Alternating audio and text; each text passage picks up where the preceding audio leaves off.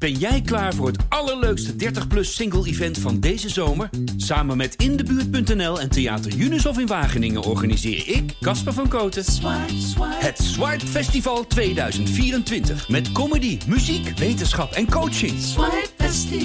Maar vooral heel veel leuke mensen. Bestel nu je kaart op swipefestival.nl. Swipe, swipe.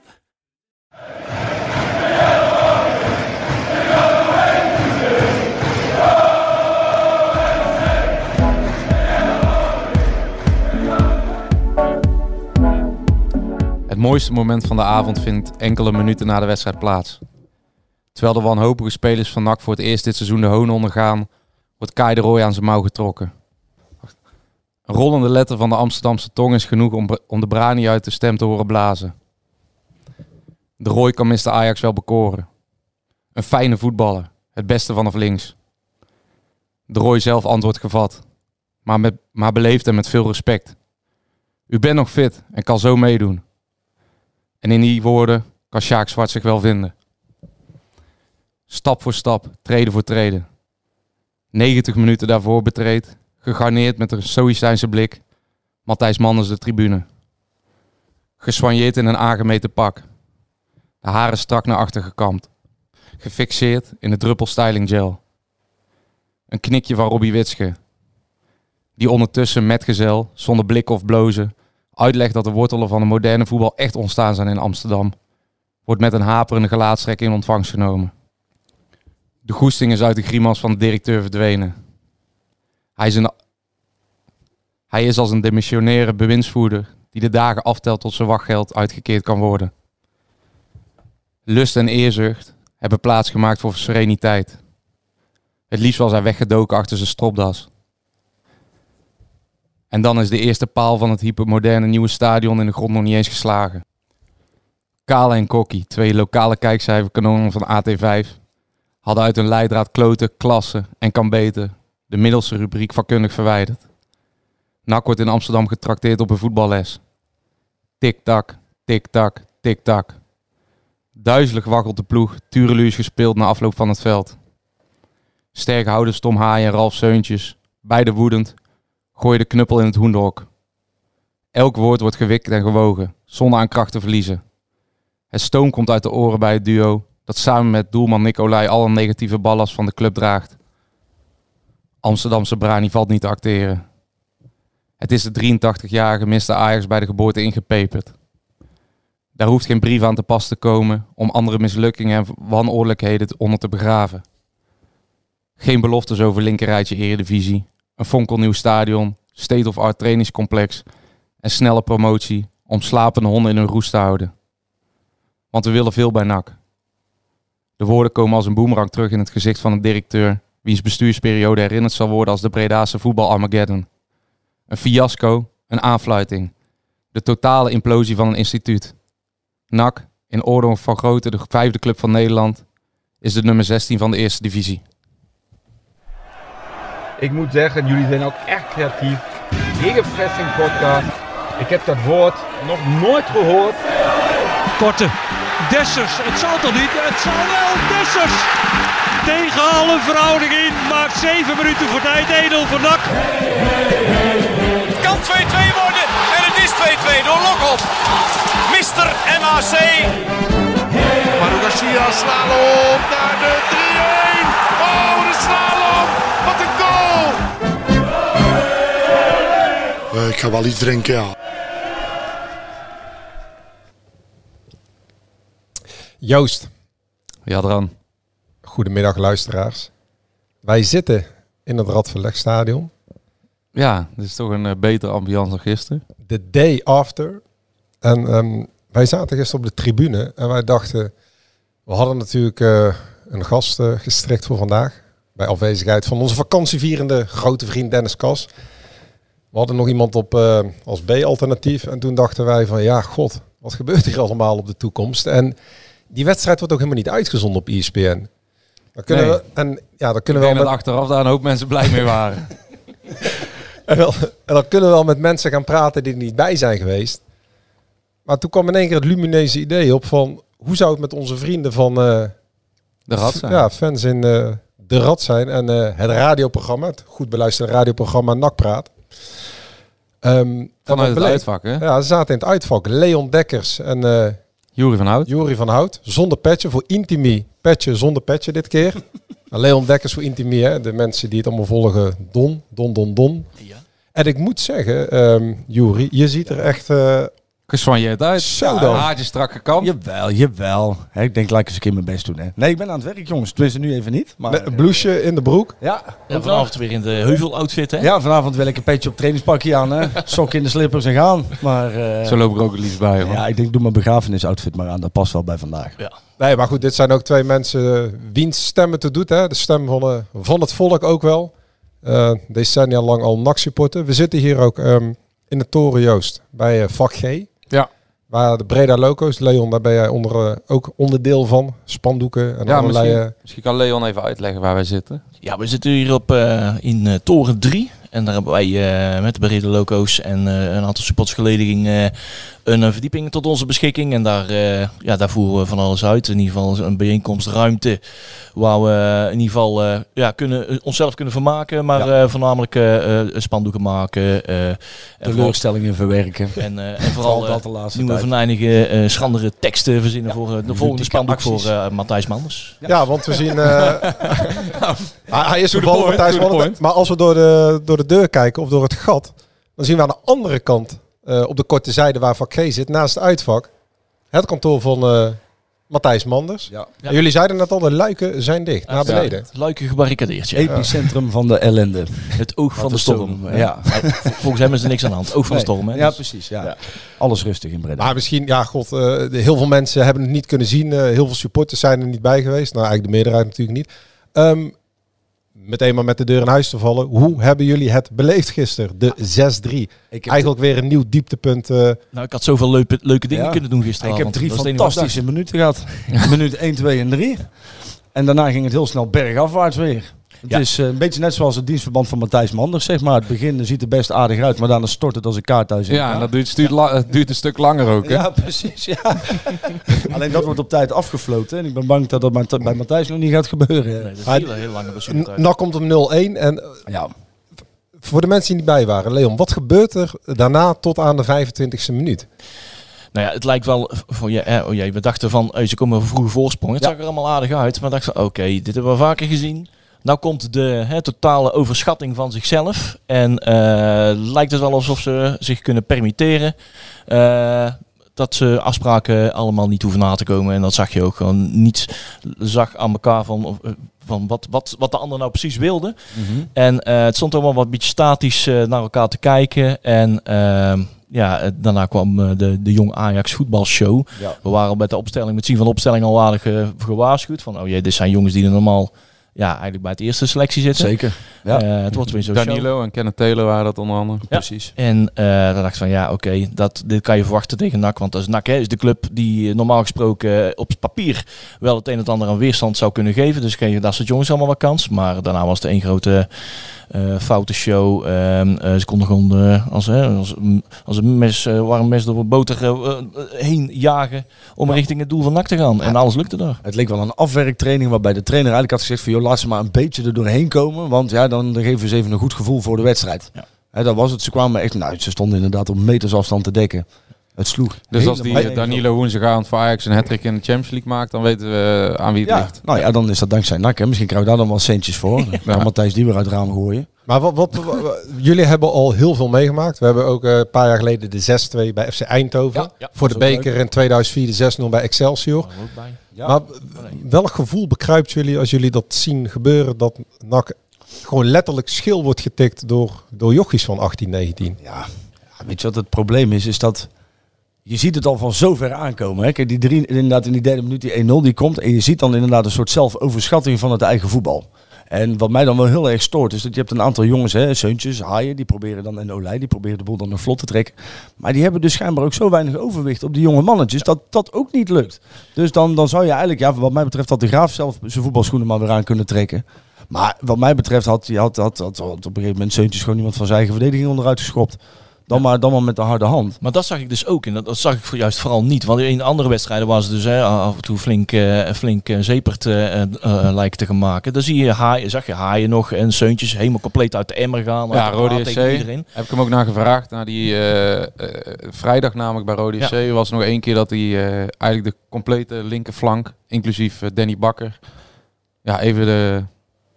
Nee, flinke vega ja, flinke ge- en, en daar vroeg ik hem naar, maar hij vond het een andere situatie. Omdat hij zei, eh, toen, toen vond ik dat er gewoon veel eh, verkeerde keuzes gemaakt werden. Maar dit Mhm. keer kwamen, werden gewoon afspraken niet nagekomen. Waardoor we overal op het veld Ja. eh, eh, in de problemen kwamen. En dan is het heel moeilijk natuurlijk om één of twee man eh, de volle laag te geven. Als je weet dat er misschien wel zeven of acht volledig uit de toon vallen. Maar wat de, gra de graaf zei, ook- zei ook na afloop van, ik voelde me machteloos. Hij vanaf, de, vanaf de kant heb ik die jongens proberen te helpen, te sturen, maar ze bleven maar komen, die jongens Maar dan ga je maar wisselen vanaf de twintigste minuut. Kijk, als jij ziet dat er structureel afspraken niet nagekomen wordt. Ja, ik, voor mij mag je nog steeds vijf keer wisselen in de wedstrijd.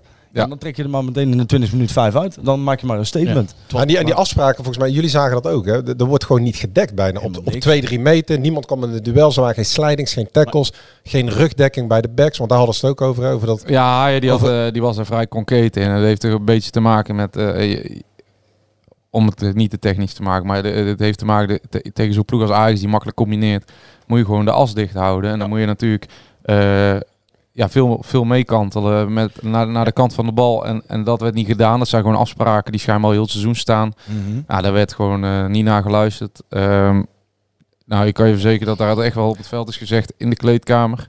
Juri en eh, Leon, jullie komen ook vaak bij wedstrijden van de jeugd. Jullie kennen iemand als Luc Marijnissen. Niet om opportunistisch te klinken. Maar als we gisteren Adileo en Russler. en eigenlijk al vaker dit seizoen hoor. eh, eh, zien schutteren. Eh, Is het dan niet heel gek dat eh Marijnissen niet eens bij de selectie zit? Of overdrijven dan een beetje? Nou ja, het is, eh Ma- Luc Marijnissen lijkt dan nog een beetje onbesmet, zeg maar, met dat Mhm. virus wat dan in zo'n zo'n zo'n eerste selectie zit van dat, eh, ja, die onzekerheid, het gebrek aan zelfvertrouwen. En dat is bij, bij Luc Marijnissen nog wat onbesmet. Dat is meestal hè, dat zijn die jonge gasten die er nog wat onbevlogen ingaan. Hij, heeft iets wat Jan-Paul van Hekken ook heeft. Ja. Zo komt hij op mij over. Nou, ook en, en kijk, Adelihu die komt natuurlijk net weer terug uit Benin. Nou, ik weet niet wat dat even eh, met een vliegtuigje heen en weer daar nog een tijdje zitten. Ja, ik ben nog nooit in Benin geweest, maar ja, ik kan me voorstellen. Maar wel mooie, t- mooie tripjes. Ja, dat wel, maar het houdt wel je spoor, laat wel zijn sporen achter, denk ik. Ja. Ja, en dan snap ik die keuze ook gewoon niet. Hè, dan, dan denk ik, Luc Marijnissen deed het goed. Nou, laat hem dan gewoon ook even staan. Joh. Hij krijgt nou zijn eerste profcontract. En vooral als je ziet dat die verdediging zo verzaakt, dan snap ik niet dat je zo lang wacht totdat je gaat wisselen. Ja, daar ben ik dus helemaal mee eens. En zo dat Kestus en, en eh, Milan van Akker. Ik ben niet per se fan van Van Akker. Maar als je dat afzet tegen wat Lijon gisteren liet zien. Oei. Nou, het begin van Lijon was goed. In het begin helemaal, zeg maar, ook, ja, misschien ook wel alleen die eerste drie minuten. Toen hij het veld opliep. Ja, in de kleedkamer is hij sterk. Maar het is, op de parkeerplaats is het een geweldenaar. Maar het is, het is in, de- ik denk de eerste 10, 15 minuten was die op zich nog een van de lichtpuntjes in de verdediging. Maar ook die zag je op een gegeven moment van, ja, als jullie het niet doen, dan, hey, dan doe ik het ook niet meer. Ja, maar inderdaad, inderdaad, maar het lijkt wel of dat, hè, het woordje kantelen werd er allemaal gevoeld. Ik moet er maar even denken, wat, wat bedoelen ze ook weer met kantelen? Ik heb geen verstand van voetbal, maar volgens mij moeten ze in de nabespreking nog eventjes in vijf talen uit te leggen. Wat, Dan zit je hier wat aan- het kantelen dan betekent. Dan ben je hier aan het goede adres, eh, Leon. Aan de goede kant van Ik weet wel wat kantelen is, maar dat is Dat voor mij een andere... Ja. Aan de Maar ook, want, ga er dan op zijn minst met een rode kaart af. Als je zo weggespeeld wordt, dan verwacht ik op zijn minst dat iemand op een gegeven moment een meniscus op zijn oren heeft. Ja, want, want anders gaat het niet. Joeri, wat jij zegt over die wissel, dat klopt helemaal. Want dat is iets wat ik eh, tegen Jadran zei in de 20e minuut. Ik zei, eh, is het nou eh, heel raar als ik zeg dat ze nu moeten ingrijpen? Ja. En ik had, op dat moment had ik al Malone gebracht. En had ik hem achterin gebracht, niet op middenveld. Omdat ik vond dat ze met z'n tweeën achterin dat centrum echt stond te, schu stond te Mhm. schutteren. Die, Ja. die werden ook eh, meermaals benoemd na de wedstrijd. Ehm, maar, maar ja, ik denk dat het ook een beetje heeft te maken met eh, een beginnend trainer die daar nog niet eh, eh, dusdanig hard durft in te grijpen in het begin Precies. van de wedstrijd, waardoor hij misschien een van zijn spelers denkt kwijt te raken. Ja, nou die denkt waarschijnlijk als ik ze nu wissel, dan krijgen ze zo'n zo'n deuk in het vertrouwen. Dan ben ik ze weer kwijt voor, voor een week of twee, drie. Ja, Maar ja, aan de andere kant, kijk, Malone met alle respect hoor, maar die, die mag wat mij betreft als buschauffeur aan de slag. Maar voor de rest op het veld hoeft hij wat mij betreft niet meer te komen. Ja, daar komen we straks nog op. Want eh, de rat heeft nog een appeltje te schillen met Malone. Ja, terwijl het wel een logische keuze was hoor, want als ik daar even wel... eh Ja, die was slecht het komt er allemaal niet aan hè. Ja, we hebben Joost, we hebben wel een nieuwe parel ontdekt gisteren. Die middenvelder van Ajax met dat eh, staartje. Fitz Jim. Ja, Jezus het mina zeg. was, maar ik- ja, ik, eh, Ja, oh ja, Die was echt Jim, geweldig. Oei, oei, oei. ik dacht dat het is Chonga Chong was of zoiets, Ja, maar het was Fitz. Jim. Fitz Ja. Kian Fitzjim, ja, dat was echt een fenomeen. Wat een virtuoos. Wat echt, een eh, genot om naar te kijken. Ja, dat hij niet over zijn haar struikelt, dat vond ik Ja. wel spannend. Zo licht Maar als een dat, eh, veertje ook, ja, hè? Oei, oei. Wat een balbehandeling. Ja. Ja, dat was een geweldige speler. Dat was echt, echt genieten gewoon van. Ja, dat kan ik wel. eh, Ah, maar zeggen, buiten- er ook als liefhebber. Ja, het beetje. klinkt een beetje gek natuurlijk. Maar buiten dat hebben we best wel een kostelijke avond gehad, Joost. Zeker al de ritten naartoe toen we er aankwamen. Bij, eh, Ja. Ja, wij kwamen aan. en, bij Sportpark De Toekomst. En dan staan er al- nou, bij, naast bij iedere club staan een paar stewards. Ja. Maar deze, deze twee mannen, Nou, dat, dat is wel eh, buiten categorie. Ja, daarom, wij zijn eh, bij, weet je nog dat we bij Sparta waren in de voorbereiding. Oh ja. Dat daar echt een, eh, mensen waren die, die niet durfden dat wij in zouden parkeren. Omdat ze bang waren dat ze zelf werden aangereden. Oh, ja, ja, die hadden een soort, er waren stewards, parkeerstewards, maar die hadden autoangst. Ja, dat is echt waar. Ja, nee, dus, uh, In Amsterdam rijdt iedereen op een scooter, hè? Dus ja. Ja, maar deze, wij kwamen aan en die, eh, die man die zegt... eh ei, Peppy en Kokkie. Hij kijkt naar binnen. Peppy en Kokkie. Peppy en Kokkie. Aan ons vroegen ze, komen jullie voor het voetbal? Ja. Ik zei, nee, ja, ik zei, we komen voor het Paralympisch pingpongen, maar Ja. dat zitten jullie volgens mij niet goed. Met al het Eh, ja. Hadden misschien beter naartoe kunnen gaan, maar... Ja, dat was heerlijk. Toen keek hij op zijn lijstje. Toen zei hij van, eh, waar zijn jullie van? ja. Ja, eh, ben je en de stem? Wat is dat? Wat is dat? Hij gaat. ja, parool uit eh, Breda. Rij maar door dan. Ja, dat was echt, echt fenomenaal.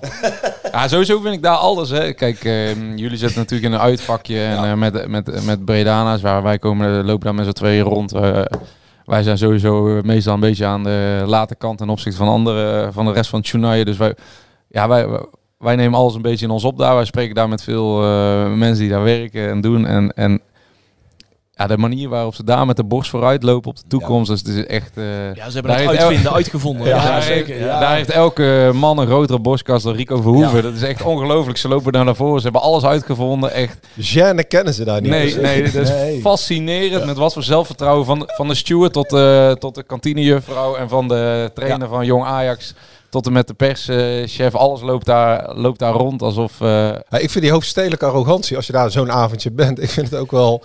Ik vind het wel meer hebben dan het Calimero-gedrag bijvoorbeeld in Eindhoven. Ja. waar ze altijd lopen te Ja, zeuren tegen Zully en Hully. En bij Ajax is de wereld buiten Amsterdam... Houdt op. Je houdt uit gewoon op. Het doet, Ja, doet er gewoon niet ja, je ziet die Robbie Wiske die tribune op eh, klimmen. En die, die zie je dan ook zo knikje naar Matthijs Manders doen. En eh, kijkt er een beetje met dédain op neer. En eh, ja, dat is het. Het straalt er gewoon vanaf, die, die, die arrogantie. Dat hij neerkijkt op Manders heeft niks met hoofdstedelijk Ja, nee, ja. maken, hoor. Dat, eh, dat, doet, dat doet iedereen in de voetballerij en daarbuiten ook. Maar, Maar- maar, maar ik moet even, eh, het allermooiste van, van heel de avond voor ons was eigenlijk, wij komen op een gegeven moment in die perskamer en iedereen is er al lang weg en die zit al lang op zijn tribunetje en op zijn plekje. En wij zitten daar een beetje te, te dollen met een of andere Amsterdammer achter een balie. En eh, plots, plots wordt uh, Jadran aangesproken door een redelijk eh, appetijtelijke dame. Ik word even verantwoording geroepen, Joost. Ik, ik moest even goed nadenken. En om dat in te leiden, eh, ik zal het even inleiden met een, met een klein fragment. Haar ogen waren echt oogverblindend mooi. Ik, ik, ik dacht, ik spreek raar, we maken een praatje. En dat waren van die bijna turquoise ogen waar je helemaal doorheen kon kijken. Van, van, die, van die superheldere turquoise ogen. En ze was ook lief. Dus je was geïnteresseerd, je stelde vraag, stelde vraag terug. Een leuk gesprek. Ja, Jadran was eh, verdronken in de ogen van Sophie. Sophie. Sophie. En ze was gewoon ook hartstikke aardig. Hè? Ik bedoel, niet eh, pedant, niet bij de hand of zo. Eh er kon veel eigenlijk wel, ondanks alle beperkingen. Daar, want bij Ajax zijn ze uitermate streng. Ja, we mochten gewoon met z'n tweeën die kant op. Na afloop. Nou, dit, dit ging hoeveel, bier, door. hoeveel bier had ik toen nog? Ja? Jezus.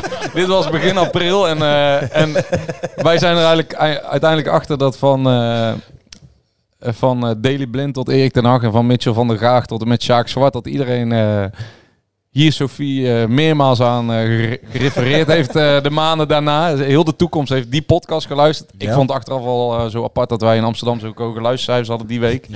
Maar, maar Sophie die stond ons dus, stond ons dus eh, op te wachten. Letterlijk, ja. Met boksbeugel of zonder boksbeugel? eh? Met pepperspray. eh. Ja, dat, dat is natuurlijk ook wel wat Amsterdams. Eh, zij zij incasseren toe, dat gewoon alsof het allemaal eh, een normaal gegeven is natuurlijk, dat, eh, die, die complimenten. Ja, heel Dran heeft daarna nog lekker met haar gekletst. Ja, nee, zeker. En, eh, als- het was, eh, ze was wel pittig, hoor. Want ehm, eh, ze zei van, ja, ik was, eh, ik was jullie tappa van de week, hè. ik zeg maar... De toppa van de week. Sophie dus. En nou heb ik dus eh, een mooi moment gisteren was. Ik heb dus eh Sjaak eh, Zwart daar even aan zijn mouw getrokken. En eh Sjaak is ook een zaakwaarnemer, belangenbehartiger. Die heeft natuurlijk een grote telefoonlijst. En ik denk, misschien, ik weet niet of er van komt. Ah, dit, dit, dit is dus spontaan radio maken. Is het in gesprek? Het is in gesprek. Nee joh. Live opgenomen, hè? Ik zit hier, eh, ik denk ik verras even hier eh, met een belletje naar Sophie, maar... Oh echt? En nou is hij zo teleurgesteld. hè? Oh, oh, oh, oh. Ja, want ze vroeg ook al of ze vandaag weer in de uitzending eh, zou komen. Ja. Maar ze zou hem terug gaan luisteren. Toen zei ik op Spotify. Ja, dat hebben wij in Breda sinds kort. Dat, eh, Wij zijn ook aangesloten op Spotify. Ja. Maar ik kan aan, je, aan de koptelefoon kan ik niet zien of dat je nou rode oortjes hebt. Dus dat is wel jammer. Maar dit, dit kan natuurlijk... Ja, geen eh, turquoise wel, wel een beetje rood inmiddels van de tranen. wij, wij gaan het gewoon zo nog een keer proberen. Iets verderop. Maar Ja, maar het, het, ze was echt hartstikke leuk weer gisteren. ja, nee, ze is gevat. Dan hebben jullie een betere ontvangst gehad dan wij. Ja. Vertel. wij- ja, nou wij komen daar aan en kijk, je bent dan met 120 man, hè? 60 man met de bus, 60 man met de auto. Ja. Er stonden volgens mij 80 stewards. Nou, dan word je eerst al half aangerand door iemand die heel erg op Zeedorf leek. Dus ja, ik weet niet of dat Zeedorf ook echt was dat hij tegenwoordig een nieuwe functie heeft bij, bij Ajax of, of een lookalike. Maar vervolgens sta je dus in, in twee van die plexiglas kooitjes. En er staat gewoon daarnaast staat er gewoon echt een peloton aan stewards. Dat was ongelooflijk. Ik vond dat zo onvriendelijk. Dat, zeg maar, je ziet dat, dat mensen de moeite nemen om naar zo'n zo'n toekomst toe te gaan. Ja, ik denk dat er serieus 15, 20 stuur- stewards stonden in de vakje met, met 120 man. En dan plakt er één iemand een stickertje. Ja, en dan krijg je daar gelijk alweer gezeur mee, weet je wel. Dan denk ik, joh, doe nou gewoon eens even wat Ja. vriendelijker, man. Hè, daar is helemaal nergens voor Dat is eh, in de arena zelf ook niet veel anders. Hè? Dat is nee, zeker niet. ja. Nee, nee. Nee, zij, vo- zij voelen die eh, normale supporterscultuur natuurlijk niet, niet zo Nee, aan. Nee. Ze zijn natuurlijk een hele ander soort eh, supporterscultuur gewend dan, dan die wij hier in Breda beleven. Ja. Ze begrepen ons sowieso niet hoor, want wij, ze, wij stonden met 6 6-0 achter of zo, ik weet niet meer hoeveel, veel te veel. En ze wisten ook niet goed wat ze met ons aan moesten hoor, want we stonden er eigenlijk ook, eh, ja het cynisten slaat maar toe hè, en de zelfspot is natuurlijk Ja. de manier eh, om ermee om te Wij gaan. Europa in. En Ja. die zagen ons ook ondertussen gewoon in de slappe lach schieten op het moment dat we echt oh ja, 5-2 stonden of zo. Is, die wisten ook niet goed, wat, dit, wij waren ook niet echt de typische voetbalsupporters zeg Nee. maar. Dat zei ook bij de ingang, hè. Kom je voor de voe- voetbal? Nee, van Ak. Nee, precies, Oh, ja. maar. dus. Ja, dat hoort er een beetje bij daar. hè. Ik vond het wel mooi dat zeg maar, wij, wij, wij moeten dan naar zo'n uitvak toe lopen. En dan parkeren we op dezelfde parkeerplaats als de meeste Ajax-toeschouwers. En dan zie je hoeveel mensen daar daadwerkelijk komen. Want ook al die Ajax-supporters liepen allemaal richting het uitvak. En die moesten allemaal door de nachtstewards weer terug. eh, Ja. Oeh, we hebben een bel. Nee, nee. Word jij nou weer gebeld? Nee, dat is de buurvrouw. Oh, ik kan zeggen, de pizza ja, beneden. die is jaloers nu. De buurvrouw. Wij bellen wat af hier, hè? Ja, er wordt, eh, er wordt iets bezorgd. En ik had een eh, briefje opgehangen dat ze even moesten aanbellen. En dan bij de buurvrouw. Ah. Oh. Alleen de buurvrouw belt me nu. Dus jij zegt, Ja, de ene eh, keer wordt er een tafel bezorgd. De volgende keer wordt er weer iets anders kan bij bezorgd. ons allemaal? Ja, nee, joh, Ook dat is Doos gegenpressing. van de Easy Toys die... eh, Ja, geef hem bij de, geef hem bij Ja, de buren. neem wel een op. fascinerende beltoon ook, Jadran. Episch. Ja, wij, eh, nou, ik wou eigenlijk net eh, verder gaan. Maar dan gaan we even, hoe, hoe zitten jullie nou in die situatie dan met die club die volledig in een eh, soort impasse eh, leeft? Ja, hopen, het, het is, ik, ik denk een goede weg ingeslagen. Maar de weg er naartoe is een hele lange vervelende. Met heel veel onzekerheid. En hobbels. Ja.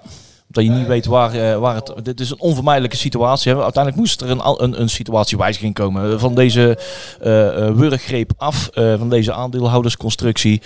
Eh, want het hield elkaar, zowel de club als de aandeelhouders, hielden zichzelf, eh, hielden elkaar in een wurggreep. Mhm. Moesten we vanaf. Ja. En om daar naar een nieuwe situatie te komen, dat wisten we eigenlijk wel. Dat, moet, dat wordt een rare, moeilijke, pijnlijke eh, weg er naartoe. Ja. daar zitten we nou dus middenin. Eh hoop onzekerheid. Want de, eh, de coöperatie Ons NAC was eigenlijk de enige die naar buiten trad. Zonder Ja. eh, de, de regels te overtreden met eh, geheimhouding.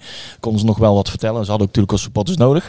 Ehm, maar van de andere partijen, van de andere 35, horen we dus helemaal niets. We weten niets tot aan de ver- daadwerkelijke verkoop. Horen wij niets wat er gaat gebeuren en wat er te komen staat. Wat vinden jullie daarvan? Doodeng. ja, doodeng. Wat, is- waar zit die angst hem in? Nou ja, kijk, we zeggen wel even, joh, we zijn nu van de gijzeling af, maar je weet niet wat je ervoor terugkrijgt. Nee, United Fans is bijvoorbeeld in Den Haag voor iemand die eh, wel lief heeft, is soms misschien beter dan iemand die de vrije hand eh, geeft en die er geen fuck om geeft. Ja, want is tot dus voor, voor kort verteld van, nou, eh, je hoeft ons niet heel druk te maken, want de, de aandeelhouders willen ze het beste van NAC. Maar na afgelopen week hebben we geleerd dat er meerdere definitie, eh, definities zijn van eh, het beste voor NAC. Precies. Hoe bedoel je? Nou ja, de beste van NAC, hè, qua eh, beste van NAC supporters, hè, dat zij een bepaalde mate van invloed hebben, dat ze toch nog het gevoel hebben dat het, blijft een volksclub, blijft, blijft een, een, een, een, een club die nog steeds onder, sterk onder invloed staat van het volk. Ehm, of het beste van NAC, eh, een bak geld. Waarmee ze kunnen investeren in eh, faciliteiten of eh, ehm, eh, eh, heel veel spelers met veel te hoge salarissen. Valt van het een en ander alles te zeggen. Maar daar zijn dus van meerdere definities.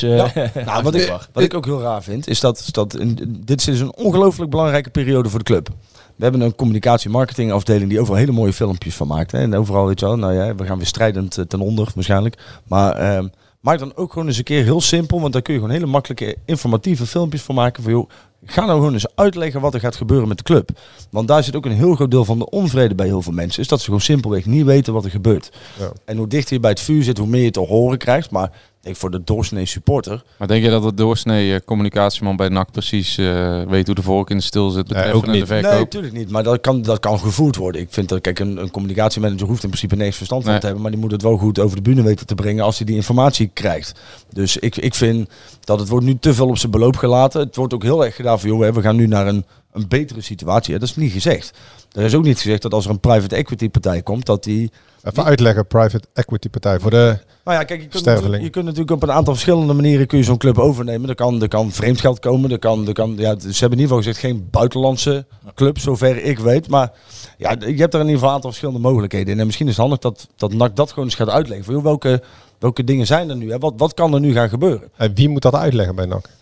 Ja, degene die daarbij betrokken zijn, neem ik aan. Ja, want bij die, bij die aandeelhoudersvergadering waar ze zijn geïnformeerd dat er eh, vijf zijn overgebleven. Matthijs Manders, als algemeen directeur, was daar niet bij. Die is daar ook geen partij in. Nee, die maakt Nee, van vinden. dus die, die staat, kijk, NAC heeft nu een algemeen directeur.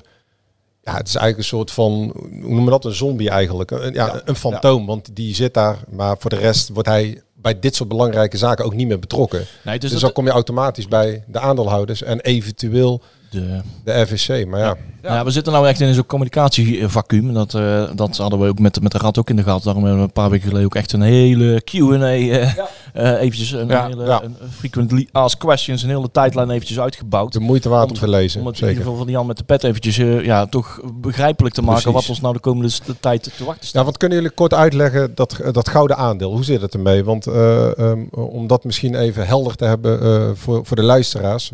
Wat gebeurt er als er een partij, ehm, als de aandeelhouders tot een akkoord komen met een partij en het gouden aandeel eh, hypothetisch zegt, nee, dit willen we niet. He- hebben ze daar één, de macht toe en twee, wat gebeurt er dan? Nou ja, daar kunnen ze inderdaad zeggen nee. eh, maar het gouden aandeel, wat is dat, eh, Leon? Kun je dat kort even ja, het gouden aandeel is eigenlijk de laatste procent, het beslissende procent, zeg Precies, maar, eh, ja. die, eh, die eh, mee over moet. En, En die waarborgen de speelstad en de clubkleuren Ja. bijvoorbeeld. Ja, Die, eh, de, die voorwaarden. En ehm, die, eh, die stichting NOAD, Advendo Combinatie, die, moet, eh, die, heeft dan, die kan nee zeggen. ehm, maar die moet dan wel binnen zes weken met een, eh, met een andere partij komen. En eh, ligt dat in de lijn met de verwachting dat, dat zij daartoe in staat zijn? Of? Dat, eh, dat, dat, dat is zeker wel reëel. Maar eh, dat is de vraag hoe moet je dat willen. Ehm, vervolgens eh, ehm, gaat de, de aandeelhouders gaan er ook iets van vinden. Want die, je kunt ze niet zomaar de, de aandelen gedwongen afhandig maken. Dat, dat, dat, dat, dat kan gewoon niet. Maar als ze dat vervolgens weigeren, dan komen we wel in een, ja, een hele vervelende loop terecht. En dan begint het traject weer helemaal van vooraf aan. Precies. En dat wordt heel vervelend. Want duren. dat stichting aandeel, waarom hebben zij, hoe is dat ooit ontstaan dat zij ehm, de, de macht hebben om een overname op het allerlaatste moment toch te blokkeren? Nou, dus in de tijd, eh 2011, in de tijd van Rednak. eh dat is eigenlijk... eh, Tijd van Theo Mommers. Ja, nou daarna. daarna, Daarna. was, eh, daarna, Busselaars ja, ja. was daar eh, was toen alweer interim. En Klopt. Ja, toen stond NAC eigenlijk al met de rug tegen de muur. We waren toen net eh, 3,5 ton, 4 ton opgehaald met de, met de Red NAC, met de supporters. En eigenlijk in eh, die situatie eh, stond NAC ook eh, gegeven moment rug tegen de muur. Want er moest eh, binnen een, binnen een paar dagen moest er een betaling worden gedaan. En eh, er zouden echt zware problemen komen met de lic- licentie. En toen hebben wij wel, wel als door doorgedrukt, oké, we kunnen die 3,5 ton die we nou hebben op de rekening kunnen we overmaken. Maar daar staat wel tegenover dat wij eh, ja, daar is dus het gouden aandeel eh, in bedongen in die transactie. Eh, de, de, echt, de, de supportsinvloed echt gewaarborgd met een, een, een zetel in de Raad van Commissarissen. En eh, ja, Stichting Noord. uh, en, en hoeveel mensen zitten, wie zijn dat? Of wie, hoeveel mensen zitten in dat gouden aandeel? Vier man. Vier, vier man. Vier. En zij vertegenwoordigen de clubraad.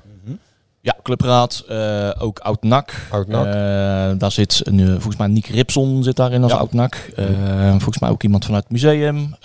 en nog een, nog een vierde partij die me even niet bijstaat. En van de clubraad voorzitter? Of, nou ja, ja Sjoerd van Vessem is vanuit, vanuit de clubraad doorgeschoven naar Stichting. Sjoerd van Vessem, Nick Ripson, iemand van het NAC museum. Dat is Peter Daleman. Peter Daalmans. Ja, Peter en dan heb je er nog eentje. En dat... Ja, oeh, die staan maar even niet Maar is dan, ligt dan er niet ontzettend onnoemelijk veel druk op deze vier mensen, ja, mocht het zover komen. Het is volgens mij ook niet zo dat zij op basis van hebben wij van de kleur van iemands overhemd een overname mogen weigeren. Dan moeten wel echt significante zaken in dat plan niet correct zijn. Willen zij zeggen van joh, wij geven hier niet de steun aan. Ja. He, dus als het een goed onderbouwd plan is waarbij er he, niet ineens gezegd wordt dat we voortaan in het rol spelen en dat we voortaan in rijen voetballen, dan, dan kunnen ze volgens mij niet zo heel erg veel doen om de overname tegen te houden. Ja. He, dus want anders zou het natuurlijk wel heel raar zijn, want dan zouden die vier mensen in principe nu de club kunnen gijzelen. En kunnen zeggen van joh, wij hebben één, we hebben een paar vrienden in een ander plan zitten. We hebben liever dat die winnen.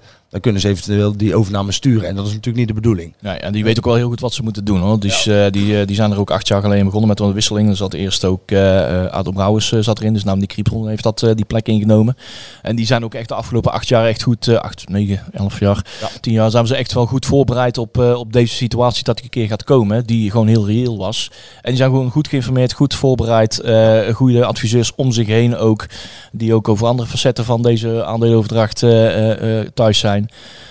Um, ja, maar het is niet ontkennen dat er inderdaad spannende momenten uh, komen voor ja, hun. En uh, heel zware dingen op hun schouders zitten. Maar ze zijn er niet met ja. z'n vieren bij. Ze zijn echt met genoeg adviseurs Precies. Uh, om hen daarmee te ondersteunen. Je moet het ook zo zien dat het voor mij ook meer bedoeld is. Dat stel dat er in één keer, ik noem maar even iets, een, een, een merk van, van sportdrankjes bij wijze van komt. En die zegt van joh, ik wil hier voortaan een, een nieuwe club van maken. AA-drink bedoel jij? ja, precies, zoiets. ja, Extra. Ja. In AAC. En, en die, die, die kunnen dan in ieder geval dat tegenhouden. Hè, dus, maar het is volgens mij niet zo dat zij nu compleet bepalen wat er gaat gebeuren. Want dat zou natuurlijk een hele rare situatie ja, kijk, we, hebben, we hebben Nederland natuurlijk met Roda en ADO uh, voorbeelden ja. gehad. Hoe we het niet willen hebben. Ja. Vitesse, het Vitesse wat wij kennen van Monnikenhuizen. En uh, de, ja. van, uh, van Bert Jacobs, John van der Brom, toen ze Europees voetbal, dat is natuurlijk een heel ander Vitesse. Het Vitesse van nu heeft ja. geen ziel. Ja. Dat is eigenlijk gewoon een soort van plastic voetbalclub. Dat, dat moet je ook allemaal niet willen hebben. Nee, maar het Vitesse van toen was volgens mij ook nog niet, uh, tenminste, ik heb Vitesse nou nooit echt heel erg hoog in mijn lijstje staan van, van leuk. Aan nee. de andere kant, kijk, het is ook mijn club niet en de sfeer daar vind ik verschrikkelijk. Maar AZ is wel weer een, een, een stereotype voorbeeld van, daar zit voor mij nu een Amerikaanse investeringsmaatschappij ja. achter. In die, dat merk je in die club bijna niet. Die hebben wel gewoon goede mensen aangesteld. Mensen met sportgevoel. Hè. Die, die Robert Eenhoorn die doet het daar ongelooflijk goed. Hè. Dat is een man met een sporthart. Dat is geen voetballer. Dus dat is wel weer dat het dus niet per se een oud speler hoeft te zijn die de boel bepaalt. Maar kunnen we de conclusie ook al trekken nu na acht jaar met deze aandeelhouders, uh, of bijna acht jaar, dat er in Breda en omstreken niet een type, ik noem iets uh, Frans van Seumen, Marcel van Boekhoorn of een kleinere orde van grootte is die uh, begaan is met de club en die de club wil overnemen. Want altijd over, hebben we het over Hartwell en Chesto. Die is natuurlijk uh, ja. tientallen miljoen op een rekening. Maar ja. daar is nooit serieus. Uh, misschien dat ze bij die laatste vijf zitten. Maar, nee, maar dat, ook, dan, ook al stel dat het serieus denk zou het. Niet, en dan, dan stelt Chesto die zou de club overnemen.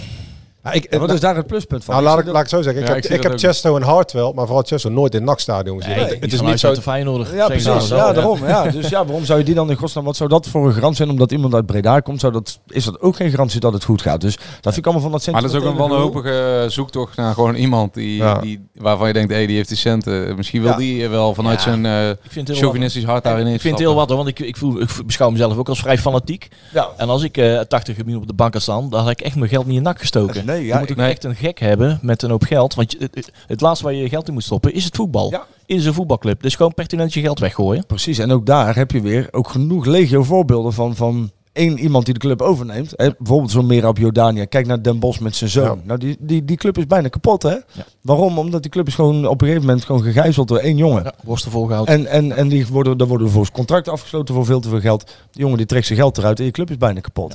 Dus het lijkt mij nog steeds het handigst, maar dat is puur mijn mening, om toch een consortium te hebben van een aantal mensen... Hè, die, dat niet alles op één schouder komt. En dat dus ook niet één iemand is die de koers van de club bepaalt. Want zo'n Van Zeumeren, dat is hartstikke leuk. Maar Ja. ook Utrecht heeft hele slechte jaren gehad. Ook daar is de ziel van de club een tijd volledig verdwenen. Ja. Ja, dat gaat nou hartstikke goed. Maar het ding is met Frans van Seumen natuurlijk, die raakt op leeftijd. En, eh, Ja. Maakt je heel kwetsbaar hè, als club. Ja, ja, ja, ja, dat is natuurlijk volledig afhankelijk vanaf van, eh, ja, van zijn eh, uitgaven. En Ja. op het moment dat hij er niet meer is, weet je nooit wat eh, degene die over zijn vermogen kan beschikken, eh, besluit over die club natuurlijk. Ja, nou denk ik dat hij daar eventueel in een erfenis wel weer rekening mee zou houden. Maar In zijn kader wel. Ik heb die Ja. serie toevallig gekeken. En, ja, en, ja. en dat is natuurlijk een echte, echte, echte gewoon eh, iemand met heel veel liefde voor FC Utrecht. Ja. Dus die zal dat nooit laten vallen. Maar die, die, die mensen zijn uniek. En er zijn natuurlijk ook heel veel eigenaren die wegvallen. Ja. Kijk, en dan heb je ook, hè, je had op een gegeven moment dat socio-plan. Nou ja, bij Barcelona is volgens mij nu ook niet zo, gaat het ook niet zo heel erg goed. Dus je hebt van alle voorbeelden, van alle vormen die er zijn, heb je, heb je positieve voorbeelden en je hebt negatieve voorbeelden.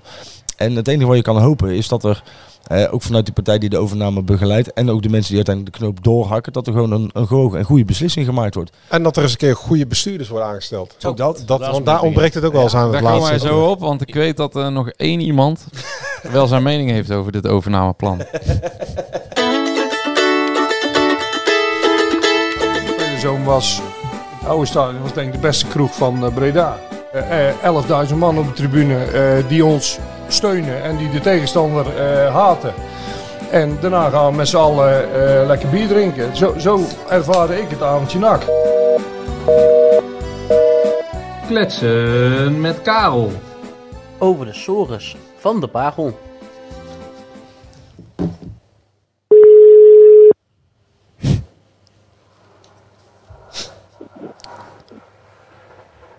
John? Goedemiddag. Ik, ik denk, die neemt het op, maar die heeft niks meer te vertellen na gisteravond. Sprakeloos. Nou, maar zat. Oh. Goeiedag zeg.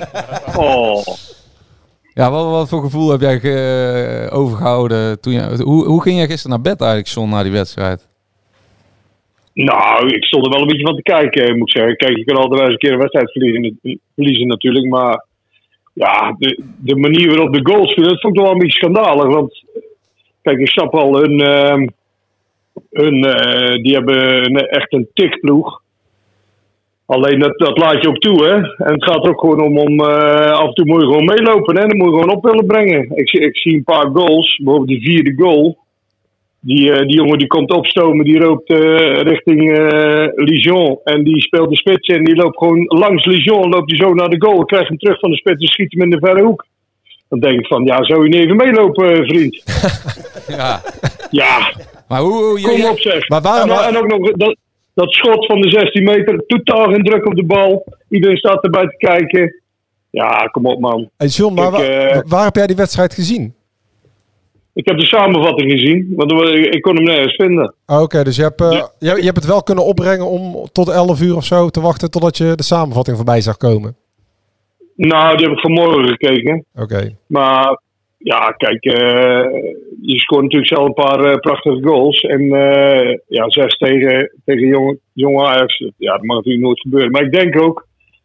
Kijk, eh, het was natuurlijk best wel een beetje. Het was een positieve stemming om NAC. En eh, weet je niet, iedereen die eh, vond voetbal best wel om, om aan te zien.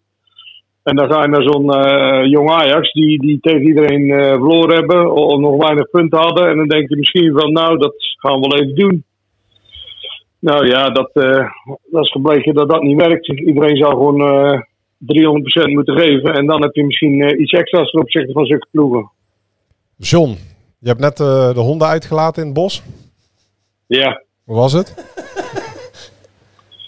het was rustig, moet ik zeggen. Er zijn niet veel mensen tegengekomen, dus eh, het was erg rustig. En ehm, jij maakt je zorgen, hè? Nou ja, als je een beetje van nak houdt, dan eh, maakt iedereen zich zorgen, denk ik, die een beetje nakhart heeft. Maar niet om het Dat spel. Maar, niet- maar om, niet om het spel, hè? Nou, kijk, ik vond het eh, met die jonge gastjes allemaal was het hartstikke leuk voetbal. En had ook iedereen sympathie voor. En nu eh, stonden weer eh, ja, de, de gehaalde eh vedettes in, zal ik maar zeggen. Ja, misschien waren die nog wel helemaal niet klaar ervoor. Weet je het is al snel op trainen. Daar als trainer denkt van nou, hij traint goed, laat ik er maar één gooien. Maar misschien zijn die nog wel helemaal niet wedstrijdfit. Hey John, wij zitten hier met twee doorgewinterde NAC-supporters. Volgens mij ze wel. Juri van Hout en Leon Dekkers van, eh, van de Ja. Rad en van eh, Breda Nu. En we hebben het net even over ehm, ehm, het verkoopproces gehad. Ja. Hoe kijk jij daarnaar? Nou, kijk, wat ik een beetje vreemd vind, is ehm, dat eh, de drie grote aandeelhouders die, die daarin het voortouw nemen, die hebben beloofd dat het, een, het bod zou ehm, van de partij eh, die het beste is voor NAC, zou ze het bod accepteren. Ja. Dus dat, dat hoeft niet per se het, eh, het hoogste bod te zijn. Ehm, maar dat, het beste bod voor de club. Ja. Maar ik vraag me af, er zit een boeteclausule van 50.000 euro voor lekken. Maar wie bepaalt dan wat het beste bod is voor de club? Ja. Ja, dat bepalen zij in samenspraak met die kleinere aandeelhouders in de laatste fase. Nu, Ja, ze- ja. nu zijn ze in gesprek met één partij en die kleine aandeelhouders weten bijvoorbeeld ook niet wie die vijf overgebleven partijen zijn. Nee, maar eh, hebben nou die, eh, eh, al die andere houders, die weten dus, die hebben dus verstand van wat het eh, voor de club het beste is. Daar gaan we dus vanuit.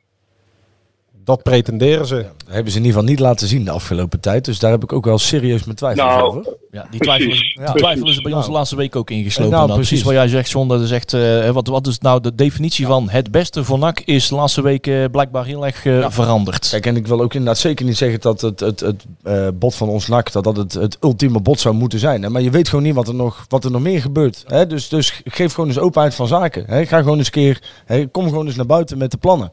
Hè? En laat dan de mensen Nou ja, daar ook een mening over vormen, toch? Dat is, lijkt mij niet zo. Juist, juist. En weet je wat ik ook vind? Kijk, eh, dan hoef je nog niet eens bedrag te noemen. Maar je kunt gewoon zeggen van luister, dit en dit zijn we van plan bij de, met de club. Precies. Eh, en dan, hoeven, dan mogen ze nog, eh, dan, dat kan ook wel het hoogste bod zijn. Hè? Dat hoeft niet per se dat van ons dak te zijn. Maar zeg gewoon wat, eh, wat de partijen eh, van plan zijn met de club. Jij wil, eigenlijk, en, jij, jij wil eigenlijk dat ze openheid van zaken geven wat er geboden is door die andere vijf clubs. Zonder dat daar de namen van genoemd worden. Nou, zo, ik, ik- hoef geen biedingen te weten, maar ik wil wel weten wat gaan ze nou met de clubs doen? Of met de club doen? Ja. Weet je niet, want eh, eh, buiten het geld, van wat zijn nou je plannen en hoe ga je die uitvoeren? En eh, eh, dan moet je misschien wel met de billen bloot van, nou, ik wil er zoveel geld in stoppen. Of, eh, maar het bod van de aandelen, ja, dat interesseert mij echt geen bal. Het gaat er mij om van wat er met de club gebeurt. En daar moeten ze, vind ik, mogen ze wel eens wat eh, openheid van zaken Dus hoeveel geld er geïnvesteerd wordt in de club, of er een nieuw trainingscomplex komt, hoeveel geld er naar de selectie gaat, of het eigen vermogen wordt, of, of er jaarlijks 1 of 2 miljoen wordt bijgestort, dat soort zaken. Het beste voor de club is Ja, natuurlijk maar ook dat is toch veel belangrijker. Dat is, dat is toch veel belangrijker dan eh, wat de aandelen opbrengen voor de club. Ik snap wel dat die aandeelhouders allemaal eh, het grootste deel van de geld terug willen hebben. kijk, maar we- als je belooft. John, je weten, belooft eh, we weten in ieder geval dat onze NAC 8 miljoen euro eh garant had staan. 5 miljoen van eh, Vrolijk en eh 3 miljoen van de grotere sponsoren. En dat ze, Ja. toch, dat ze toch mikt op een bedrag van 10 tot, wat is het, 13 miljoen volgens mij. Dus dan moet er... dan moet Voor de, ja, ja, voor de aandelen. Nee, nee, nee, voor, om een organisatie te investeren. Want die aandelen, dat was, Ja. was na vanuit anderhalf. Ja. Dus dan moeten die andere partijen ook al minimaal vanaf 8 tot 10 miljoen euro ehm, willen investeren in de organisatie. Dat, dat is de conclusie Ja, volgens mij die ja, je een beetje goed. kan trekken. Ik denk dat we Kijk, je allemaal... hoort wel, eh je hoort wel verhalen dat er al eh 5, 6, 7 miljoen geboden is. Hè? Ja. Alleen, eh, wat zit daarachter? Uh, uh, wat, wat voor verhaal zit er nog achter? Van, wat gaat hij dan voor de club doen? Je kan wel eh, iedereen eh, onder tafel bieden eh, en met die aandelen weglopen. Maar wat zit er nou voor plan achter? Maar John, heb jij, links of En rechts, nu- heb jij links of rechts gehoord dat er al 5 tot 7 miljoen geboden is voor die aandelen alleen al? Dat, dat heb ik wel begrepen, ja. Kijk aan. Dat heb ik wel begrepen. Kijk, ook al zou je 30 miljoen willen investeren in de club, als je geen gedegen plan hebt, dan maakt het bedrag wat je wil investeren eigenlijk ook geen fluit uit. Kijk, je kunt beter bewijs van een, een plan hebben van iemand die zegt: Ik wil bewijs van 5 miljoen ingooien, maar ik ga daar goede mensen neerzetten waar, die de club kennen. Of die de potentie hebben om uit te groeien naar goede bestuurders. Dan dat je zegt: joh, Ik heb hier een zak van 25 miljoen. Ik laat het soortje wat er nu zit, laat ik zitten. En want je ziet hoe snel 2,5 miljoen van hekkengeld is verdampt. Zo verdampt. Dat is, dat is binnen Ja. een jaar is dat met Ja. verkeerd beleid weg. Dus inderdaad precies Ja. wat je zegt. Ja. Hè? Het gaat om het plan wat erachter zit en helemaal niet om het geld wat geboden wordt. Dat, dus dat je dan dat, dat ook continu maar over dat geld gepraat wordt. Laat nou gewoon eens een keer die plannen zien die erachter zitten. Want daar kunnen we iets Ja, nou, dat vind ik ook. Ja. Ja, eens. Eens. En eh, kijk, ik weet niet of jullie eh, mij dat kunnen uitleggen, maar wat is nou de rol van eh, het gouden aandeel eigenlijk? Ja, daar hebben Wat kunnen die nou alles tegenhouden? Ja, of, eh, dan moet je even terugluisteren, sowieso. Dan moet je even terugspoelen zo. Goeie vraag. Oh, daar hebben we hier al een hele, hele discussie over gehad. Ja, daar hebben we een Nou, nee, nee, nee. We hebben, uiteenzetting. eh. we hebben aandachtig naar Leon eh, zitten luisteren. Die heeft het heel eh, netjes verwoord. Dus, eh, Komt erop, komt erop neer dat ze het zes weken kunnen vertragen. Daar komt Ja. het eigenlijk op neer. het hele proces. Ah, oké. Ja. Ja, ja. Ja, mits, ze- mits ze op het eind met een eh, nieuwe partij eh, ko- komen die het op zijn minst kunnen levelen. En daar moeten de aandeelhouders dan nog een besluit over nemen. Maar die kunnen dat ook weer wijzigen. Ja. Ja. Ja. Ja, ja, ja. Kijk, ieder- iedere maand dat dit langer gaat duren, wordt steeds, het wordt gewoon steeds pijnlijker. Hè? En je komt zo meteen ook in een, in een dal te zitten waar je... Hey, het, het, het, je krijgt nu een negatieve tendens rond de club. En hoe negatief Nou ja, ik heb ook al. Kijk, er komt nog één ding bij, want dat heb ik ook alweer eh, opgevangen. Want ja, ik spreek ook nog eens iemand. Mhm. Dat het ook de spelers irriteert. Wat er nu allemaal aan de hand is. Want het is natuurlijk ook hun toekomst, hè? Ja. Ja. Want ja, er zijn spelers die, eh, die hebben bijgetekend of die staan nog onder contract. Ja, die willen ook wel een keer weten van hoe en wat. Want je speelt ook met hun eh, toekomst. ja, wat, denk- wat Ik denk je kan natuurlijk zeggen, beetje- John, John, je kan natuurlijk ook zeggen dat iemand als Nicolai onder valse voorwensel eigenlijk zijn contract heeft verlengd. Ja, en Ralf Seuntjes die gekomen is, maar niet in de wetenschap dat die club in de, in de, in de verkoop zou worden gezet. Waarschijnlijk heeft Olij ook gewoon een eh, clausule dat hij naar Denemarken mag met eh, drie maanden gratis geld of zo. Dus, Ja. volgens mij is dat allemaal onder manders weer verlengd. Dus eh dat zal wel weer een Gratis andere... geld is eh, mode bij NAC tegenwoordig. Gratis Ja. geld. Iedereen krijgt gratis geld. Ja, jij, jij bent Nee, net eh, te, vroeg weggegaan, John, wat dat betreft. Ja, ja. Nou, ik ben niet weggegaan, ik ben weggeschopt, hè? Oh ja. Misschien hadden we tegen jou ook Nee, wel maar- politieke acties moeten verzinnen. Dat je tenminste wel geld meegekregen had. ja. Ja, ja. Een ultimatum moeten stellen. Precies. Ik had eigenlijk wat chantagemateriaal eh, Ja, precies. op, tafel, op tafel moeten gooien. Hey, Want dat, dat was een zat. Hey John, John eh, even om af te sluiten, vrijdagavondje nak. Ehm, ja, daar gaan, eh, dat, dat, dat is ook weer het, eh, het bijzondere en het mooie aan deze club natuurlijk. Dat dan gek genoeg in de, de club zit in de wurggreep, ligt op zijn gat. Er staat een elftal wat, nou bijna, ik wou zeggen, betaald voetbal onwaardig wil ik het niet noemen, maar het benadert dat in ieder geval. Ehm, maar het stroomt wel weer vol. Ehm Emmen, denk je dat er een kleine miraculeuze overwinning in zit hier voor de ja, hartstochtelijke achterban? En, en, en is ook niet in vorm, hè? Dat heb je wel gezien wat weekend. Ik zou even een positieve paar uit. goals, hè. Nee, maar die scoorde echt een paar eh, wondergoals. Maar ja, kijk, het is ook altijd zo, en dat weet ik uit ervaring. Als je zo'n knal, zo'n knal hebt gekregen, net als gisteren. Ja, dan eh, is het wel van, eh, dat gaat niet nog een keer gebeuren. Ja. Dat, dat eh, denk ik wel. Dat, eh, dus het kan altijd, dat zou ook weer typisch nak zijn, de ene wedstrijd eh, weggespeeld worden en eh, de, de andere wedstrijd weer een, eh, een show ervan maken. Ja. Maar het is wel zo, Dus John, na, kun je misschien ook al na bijna 30 jaar zijn we bijna terug bij af. Hè? Toen jij begon in je tweede seizoen, hè? 17 in de eerste Ja. divisie. Ja, alleen nu zitten er eh, 12.000 man en toen 500. Dat is wel een verschilletje. Dat verschilt wel. Ja, Kijk, en eh, ja, het is wel eh, veel gebeurd, maar ook veel in eh, negatief opzicht. Ga ik- je, ga je nog kijken, John, eh, vrijdag? Wat zeg je? Ga je nog kijken vrijdag? Ja, ja, misschien wel. Het ligt er een beetje aan of ik eh Of je op welkom mijn bent? eh, door, door Manders geliefde vriendjes van haar nak ook gaan. Oh ja. Ja, dat is een gevoelig onderwerp. Hmm. Daar gaan we het de volgende keer Ja. over hebben. Ja, nou, ik wil nog even één ding kwijt. Ja, daar heb ik al zo jouw, gro- jouw grote Ja. vriend Max, wat vond je er allemaal van zondag? Miauw. Eh, ja, ik, eh, Wat deed hij daar? ja, ik vond heel dat team eh, slecht. Slechte start, slechte pitch op, een pitch op van 11 seconden. Nou, dat, eh, dan kun je met gewoon een hand eh, moersleutel nog wel doen in 11 seconden.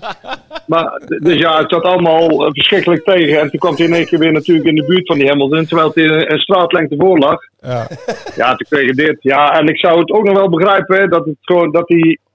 Ja, dat hij het gewoon tactisch over, over, Dat dacht ik dus ook, ja. over, overwegen. Dat hij het eh, gewoon dacht van nou dan allebei maar. En Hey, John. eh, ja, zo werkt dat nou eenmaal in die sport.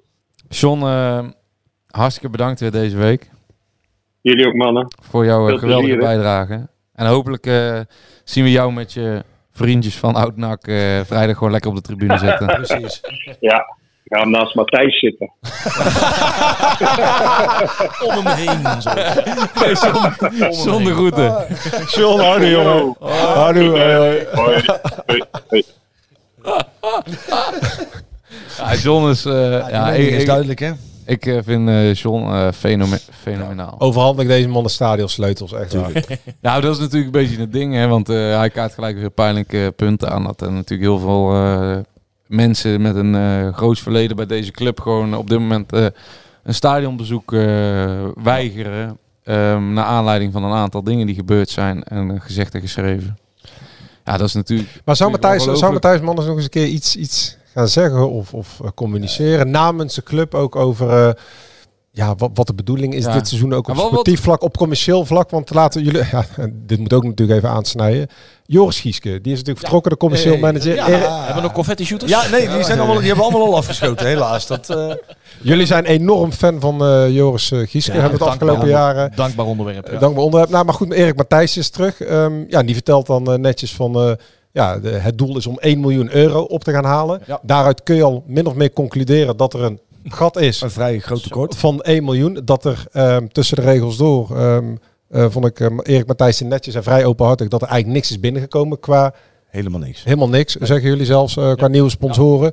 Die is ook eh, aangesteld onder leiding van algemeen directeur Matthijs Manders.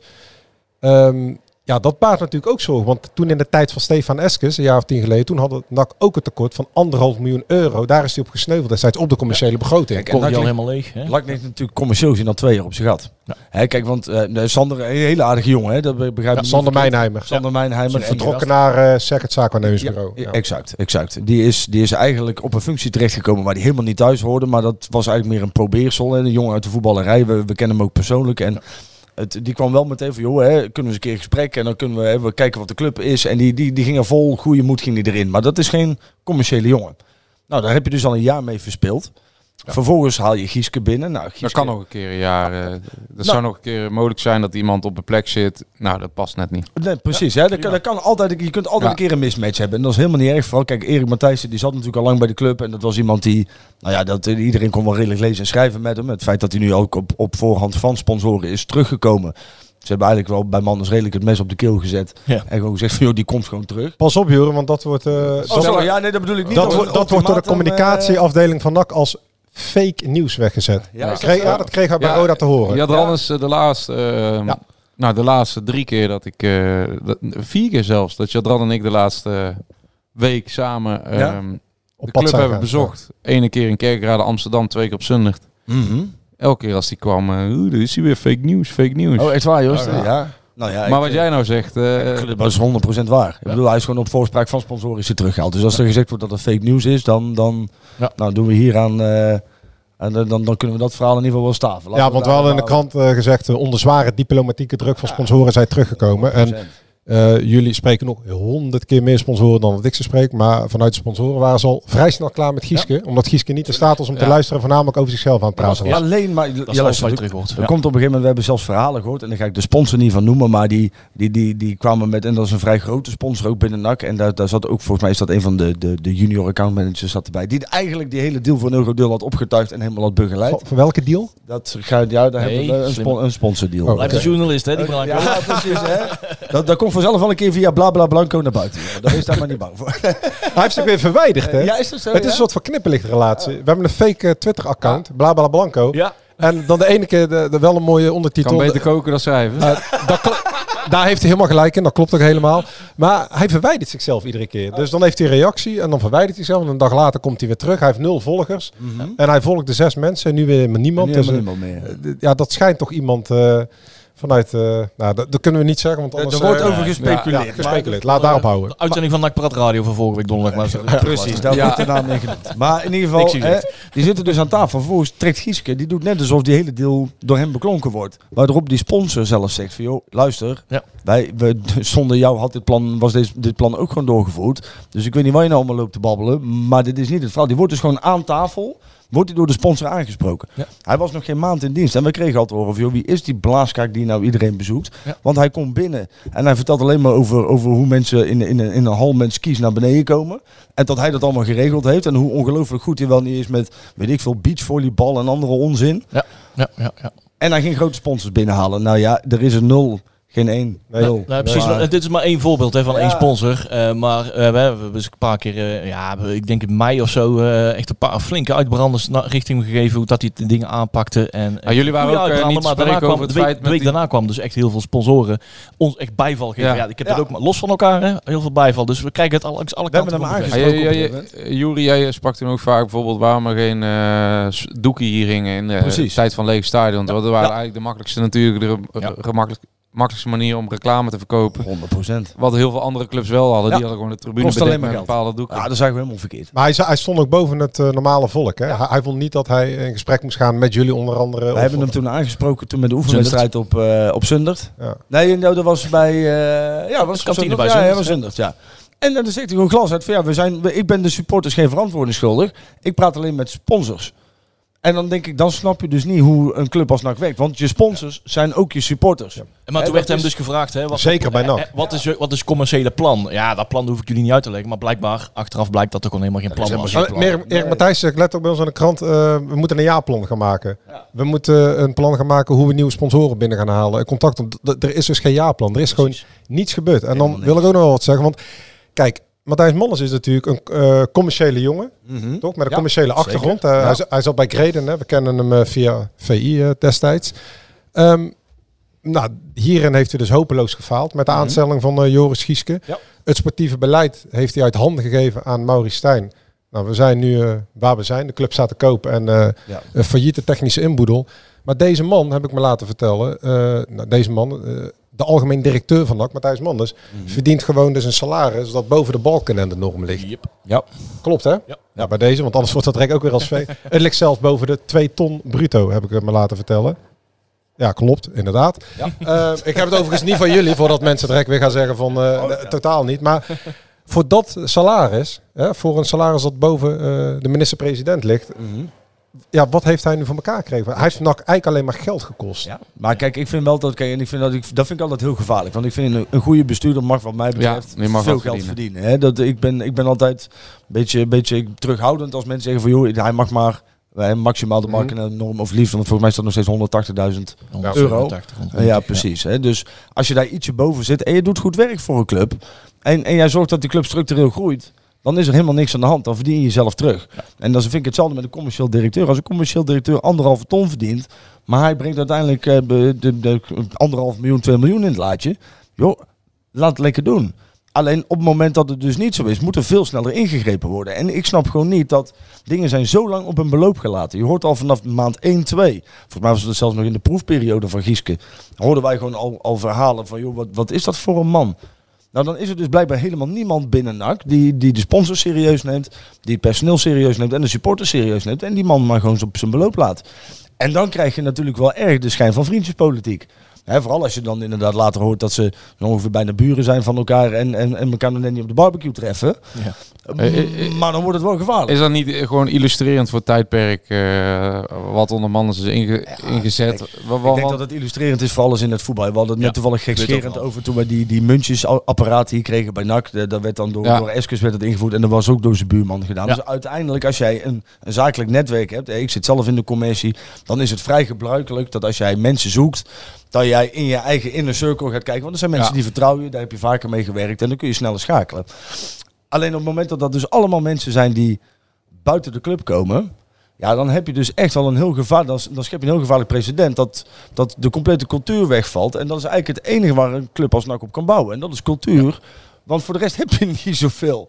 Je, hebt, je, hebt, je hebt een prachtige achterban. Maar die achterban komt alleen maar voor de club. Niet voor de mensen van de club, niet voor de spelers. Want die spelers die zijn ook al over het algemeen vergankelijk op een paar na. Ja, die komen op een paar jongens voor Ralf Seuntje bij wijze van spreken. Exact. Voor Sidney van Hooydonk vorig jaar. Precies. Ja, ook ja. omdat ze zich daarmee even kunnen vereenzelvigen. Sponsorkant hetzelfde verhaal. Met Eskes tijd ook. Die dacht ook een, een of andere hè, Romeinse piramide. of- Ja, die wilde toen een, eh, ook in Antwerpen zelfs eh, sponsoren gaan werven. In België, over de grens. En de Cordial liep helemaal leeg. Want eh, hè, de, de bankdirecteuren werden apart gehouden van de, van de bakkerijen en de slagers. Ja, juist, die- die moet je bij elkaar en die lopen met normaal gesproken bij NAC met elkaar in dezelfde Polonaise. Ja, joh. Ja. Ja, ach joh, ik heb ze wel eens uit de businessbox zien vallen met z'n allen hoor. Dat is hartstikke gezellig joh, zo zat ze naap. Maar en dat, dat hoort toch ook bij een club als NAC. En dan kun je wel zeggen van joh, we willen de grote partij, we willen de, de, de, de, de nou ik zal ze niet noemen, maar we willen alleen maar eh, internationale webshops bewijzen van als klant wil hebben. Die passen hier helemaal niet man. Wat ga je, dan, wat ga je daarmee doen dan? Nee, die zijn ook weer weg opgegeven. Tuurlijk, en we staan 17 in de eerste divisie. Hè? Hoeveel, hoeveel internationale sponsors wil je trekken dan? Ja, dat is toch, dan kun je een mooi verhaal houden, maar dan kun je beter voor eh, proberen een soort uitloper te verkopen bij de plaatselijke bakker met een logootje erop. Want dat is de plek waarop je nu acteurt, hè? Ja. Ik denk dat, eh, ja, kom op man. Ik vind, ik vind dat je een mooie machette hebt. Ja, ja speciaal laten maken, jongen. Ja, een Breda's wapentje erop. Breda's wapen hoor, de drie... eh, Ik vind jou dat eh, heel scherp. eh. Ja. Of zoals ze in Amsterdam zeggen, ja, ze heb je de kruisen verkeerd om, man.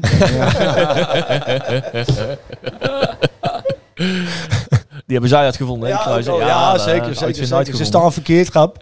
Hey, wat, wat is het belang van, eh, toch nog om even die, die, de, kijk nu zitten we gewoon, eh, eh, zei het een beetje een demissionaire bestuursvoerder die, die We zitten bepaalt eigenlijk, nu eh, het beleid van NAC eigenlijk. Maar wat, wat is nou het belang van, van eh, de komen, we hebben de communicatie al besproken, maar ook van de algemeen directeur zelf, dat hij, ja, hij is natuurlijk eh, volledig eh, van het toneel verdwenen. Hij, eh, hij reageerde nergens meer op. Vorig jaar toen het goed ging, toen twitterde hij erop los, Ja. vragenuurtjes, alles. Zat hij bij jullie, zat hij bij ons, zat hij bij de vrienden van eh Bisat Rats. En, en, maar wat is het belang dat hij, ja, voor hetzelfde geld, die, die verkoop die kan nog even duren voordat het allemaal rond is. Voor, het is toch gewoon wel een belang dat hij ook nu eh, blijft communiceren met zijn Tuurlijk. achterban om ook de banden warm te houden met elkaar. Maar i- i- stuit dat niet tegen het been dat je daar met 114 man in een uitvakje bij Jong Ajax zit? En Als hij bal vanuit de uitgaat, club was die bij ons niemand... komen zitten. Ja, maar hij kiest, Ja. er voor hem, eh, hij kiest er voor hem veilige battles. En dat is eh, zo min mogelijk eh, in de spotlight komen. Hij heeft nog volgens mij nog eh, 27 september nog een sponsorbijeenkomst. hè, De seizoensaftrap van de sponsoren. Ja. Op maandag eh, nee, eh, 9 eh, 27 september. Dan zal hij ook voor de dag moeten komen. En dan zul je, zoals jij zegt, Jan Rand, dan zal hij ook wel met een plan moeten komen. Of hè, wat, wat, Precies. wat zijn de plannen voor de komende tijd? Hoe gaat ik denk dat hij eh, ook wel aan het Verantwoording geven. Ja, maar ook wel aan het rondkijken is. Want ik kan me niet voorstellen dat hij nog denkt dat hij, eh, als nog verkocht is, dat hij hier nog zit. Maar joh, het, het, het, het is- jullie zeggen van ehm, we weten niet wat er gebeurt. En dat maakt een beetje angstig met de verkoop. Maar ik begrijp ook niet zo goed dat eh, die grote aandeelhouders hebben nooit naar buiten willen treden. Want ze zeggen van ja, we zijn tegen wil en dank eigenaar geworden. Ja, ik vind dat ook wel gek, want NAC eh, eh, heeft bijna maatschappelijke functie eh, in Breda. Maar dan heb je ook zo'n zo'n raad van commissarissen. Je ziet ze bij uitwedstrijden. eh, ze gaan in, eh, in ploegjes, dan gaan die Mhm. twee, dan weer die twee. Maar waar die mensen acteren ook als een soort van onzichtbaar eh, eh, eh, eh, iets. De, de, en dan, dan, dan, dan glijden ze door alle eh spelonken van, van, eh, van een stadion. En dan komen ze in bestuurskamer. Ze zijn ook volstrekt afwezig. En dan denk ik, ook al eh, zijn we nu in een soort van interbellum. Hè, een periode tussen eh, een overgangsperiode qua eh, bestuurlijk vlak. En dat de club in de handen komt van een nieuwe eigenaar. Maar treed nou eens een keer naar buiten, joh. Ga nou eens een keer praten of stop er gewoon mee en draag de boel over. We hebben al vaker aan het taskforce. En er zijn echt wel mensen te vinden binnen NAC of rondom NAC die met een groepje Ja, en je dat, dat en je willen even door die, door, die, door, die, door die zure appel heen. Hè? Want je hebt zo'n, zo'n ja, eh, zoveel mensen tegen dit serie been geschopt. En, Mhm. eh, en er zijn zoveel mensen gefrustreerd op het moment eh, hoe het met hun grote liefde gaat. Ja, dan snap ik dat je er even niet om staat te springen. Dat hoorde ik ook op Zundet van de week. Ja, ik snap het wel, want als je ze Twitter opent, dan huppel, huppel, huppel. Maar, maar ja, kijk, je moet gewoon als je dat even nu weer op structurele basis gaan doen, dan, dan lijm je ook weer ergens een paar, uh, Kijk, een paar scherven aan elkaar. Die, uh, in, in, principe is het helemaal niet slecht als een raad van commissarissen onzichtbaar wordt. En zo heb ik ze eigenlijk het liefst. Ja. Hè, want dat betekent dat het goed zou gaan als ze onzichtbaar zou, zouden zijn. Ja. Ik heb ooit wel eens een keer begrepen dat we hebben ze ooit wel eens een keer ter verantwoording willen roepen. Maar dat wouden ze niet meer. Waarom? Hè, dat was voor mij met die aandeelhouders ook. Die zijn ooit een keer in de openbaarheid getreden uh, tijdens een, forumavond. Daar hebben ze één of twee kritische vragen gesteld. Ja, dat konden ze niet, want zij zien, ze zeggen wel continu, wij zijn NAC uh, we zijn eigenaar geworden tegen wil en dank. Maar je bent het wel. Dus dan vind ik ook dat je. En je hoeft niet, niet iedere dag naar buiten te treden. Maar je mag inderdaad op zijn minst verwachten dat iemand toch één keer in een half jaar of een jaar een keer. Eh, op zijn minst een keer zwaait naar, naar, naar zijn onderdanen. En zegt: hier ben ik nog steeds en dit ben ik van plan. Ook al ben je niks van plan. Maar dit, dit, op deze manier, het is, het is stuitend. Hè? Die, die, die Manders, die, die, die blijft maar geld. Die doet ook helemaal niks meer. Die, voor mij heb je een algemeen directeur om. Die mag ook minder, hè? Ja, die, die, die is aan zijn handen. Waarom die er überhaupt nog zit, weet ik niet. Want die loopt inderdaad met zijn ziel door zijn, onder zijn arm loopt hij hier rond. Ja, dat is veel En- onbegrip over, hè? Ja, Er, moet, er moet nog iemand de krabbels zetten. Want eh ja, Jury, men, eh, als, als volgens mij Matthijs Manders er niet meer is, dan is volgens mij Gieske de volgende die de Ja, en zetten. Gieske was statutair, dat kan ik bij deze, want hij is nu toch weg. Gieske die mocht niet eens tekenen voor een bedrag verhogen dan 1500 euro. Ja. Hè, dus die was Maar statutair. die stond onder curatele. Eh, ja, nou, Ja, ja, die dat mag nog geen printer Die bestellen. mocht, volgens nog, die mocht inderdaad nog geen 10 kaartritjes bestellen, want dan kwam het al boven zijn budget. Dus ja, dat is, dat is inderdaad, eh, op die manier is dat ook een beetje gaan rollen. Ja. En inderdaad, hè, voor mij was het inderdaad zo als Manders zou vertrekken, zou Gieske de leiding nemen. Nou, laten we blij zijn dat dat niet is gebeurd, want dan hadden we nu waarschijnlijk een indoor skicentrum hier gehad.